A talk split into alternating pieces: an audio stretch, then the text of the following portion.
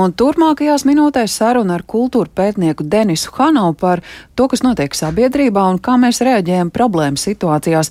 Vispirms pievēršoties ziņai par iespēju pārtraukt repatriācijas likuma darbību, jo kopš Krievijas sāktā kara būtiski ir pieaugusi interese tieši no šīs valsts piedarīgo puses par uzturēšanās atļauju saņemšanu, un tiek minēts, ka tas varētu arī apdraudēt Latvijas drošību, tādēļ repatriācijas likums varētu tikt apturēts. Par ko tad liecina šāda valsts nostāja? Es domāju, ka pirmkārt sabiedrība ir ļoti maz iespēju uh, saprast, ko nozīmē nacionālas drošības vai nacionālas intereses. Tā ir tāda mistiska lieta, manuprāt, tāds fenomens, kas ir uh, nu, teiksim, šaurā speciālistu loka, bet sabiedrībā īsti diskusijas par to nenotiek. Tādēļ uh, gan sakarā ar repatriācijas likumu, gan ar daudziem citiem jautājumiem, uh, tad man uh, īsti nav saprotams, kā mēs kā sabiedrība varam to ietekmēt, vai vismaz mums tiktu paskaidrots, ko tas nozīmē. Un vai nacionālā drošība arī nav kāds iedziens, kas tomēr ir pakļauts arī demokrātijas procesam, respektīvi apspriedēji par to, kas tad īsti ir nacionālas drošības elementi, kas to veido, kad ir tie draudi. Nu, man personīgi, kā cilvēkam, kas novēro politisku elīti, dažas partijas saimā liekas, ir fenomens, kas var apdraudēt nacionālo drošību, bet es zinu, ka citas valstis tādā gadījumā liela lomā ir arī tātad satversmes tiesai, kurai ir pilnvaras arī novērtēt vai izvērtēt politiķu un partiju teikt, saikni ar demokrātisku kultūru, cik tālu vai tuvu, un tādā gadījumā arī, piemēram, sakt kontrolēt kādas partijas, teiksim, vai uzraudzīt. Ja. Latvijā šai sakarā mums, protams, ir skaidrs, ka daļa cilvēku, kuriem ir saikne ar Latviju, kas vēlas emigrēt no Krievijas, viņi, viņi pirmkārt ir tādas tiesības, tad jautājums, kādēļ pēkšņi tieši kādam konkrētam cilvēkam šis termiņš beigsies, un tātad uz viņu tas neatiecas.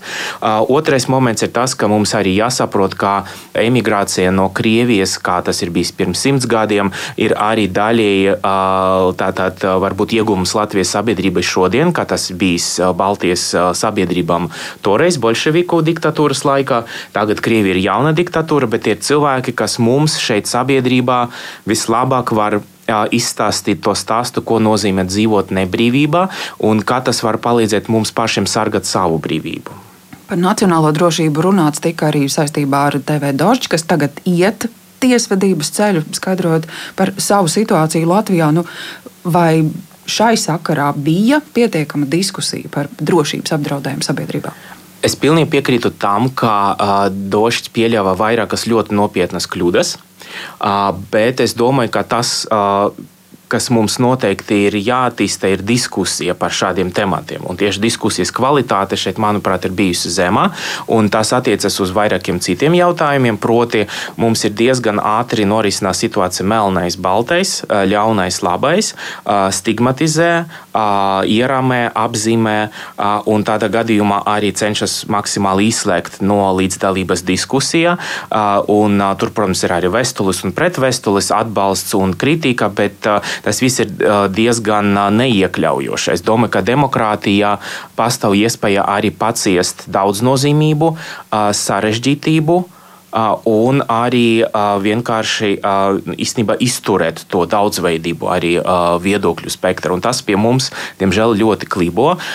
Bet es domāju, ka arī būs vairāki citi temati, jo tas, kā mēs runājam par to, ir par mums, nevis par šo TV kanālu. Par mediju vidi turpinot.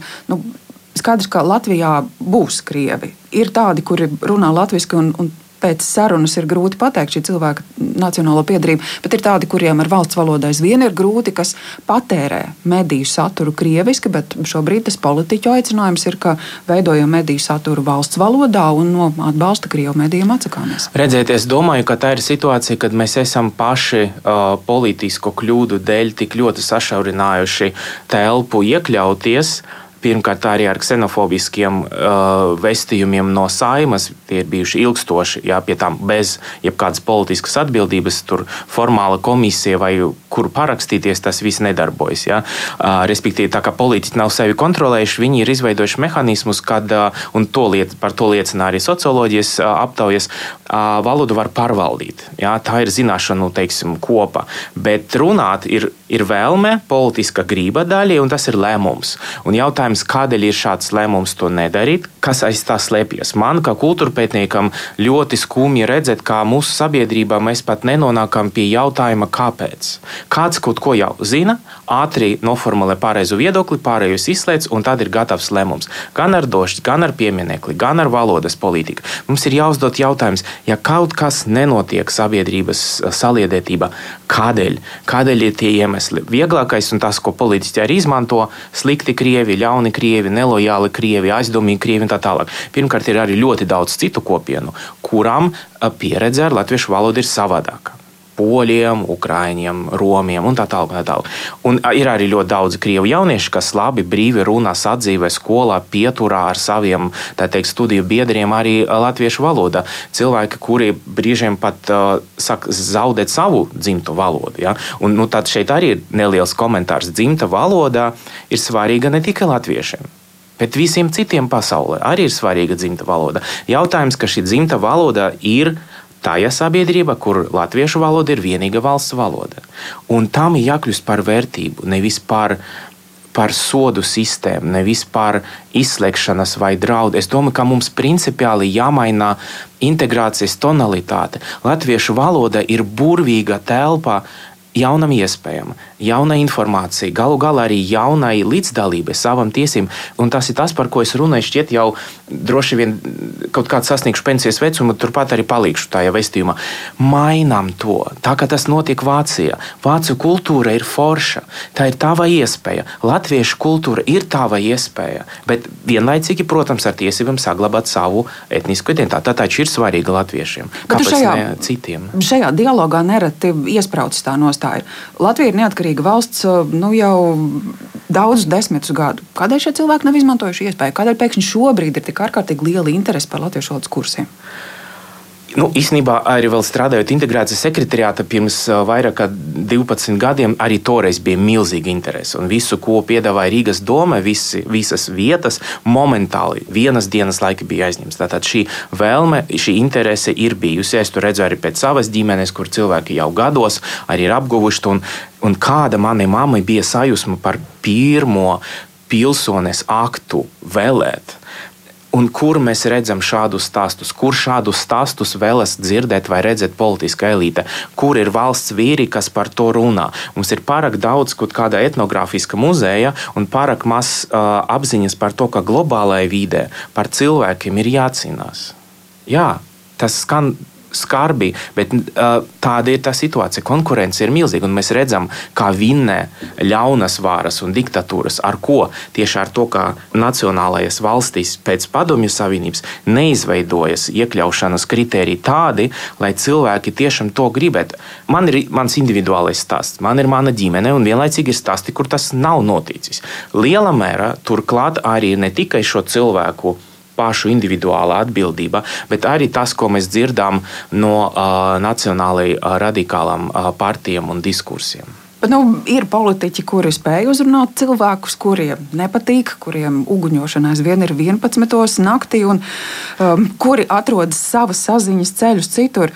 Mans jautājums par to, vai vispār ir iespējams veidot uh, saliedētu sabiedrību Latvijā, atstājot to viedokļu atšķirību, to viedokļu dažādību, kas varbūt var bagātināt. Nu, ir iespēja dziesmu un deju svētkus padarīt par, par tā, vienotiem. Bet, bet tas jau notiek. Ir vairākas skatuves, dažādas telpas, kur arī mazākuma tautību teiksim, kolektīvi un tā tālāk, un viņu repertuārs ir gan latviešu, gan latgaliešu kultūra mantojums, gan arī savas etniskas kopienas. Tas viss jau īstenībā notiek. Jā, ir iespējams to darīt, tas notiek arī citas valstis, bet ļoti ļoti liela nozīme ir politiskas elites konceptam. Šī atvērta latvietība nedrīkst palikt uz papīra. Un lieta ir tāda, ka jāapzinās, kā arī latviešu kultūrā tāda gadījumā neizbēgami mainīsies. Jo tā būs pirmā reize, kad latviešu kultūra, būdama stabila, globāla, pasaulē atzīta, tagad tai būs jaunais uzdevums tā taps savādāka, jo tā pieņems daudzas citas kultūras un pieņems tajā latvietība, kuru mēs visi kopā definēsim. Tas ir milzīgs un jauns uh, uzdevums,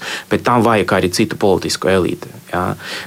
viss ir sen novecojis. Paudžu maiņa glābs. Um, jā, un nē, jo mēs pārmantojam ne tikai vasarnīcu vai mašīnu, bet mēs pārmantojam arī kolektīvu atmiņu un kolektīvas skumjas un uh, traumas. Līdz ar to, ja un nē, nu, tur ir politiska grība svarīga. Ja? Jo latvietība būs stabila tikai tad, kad tā būs maksimāli atvērta. Tā sarunā kultūra pētnieks Denis Hanovs.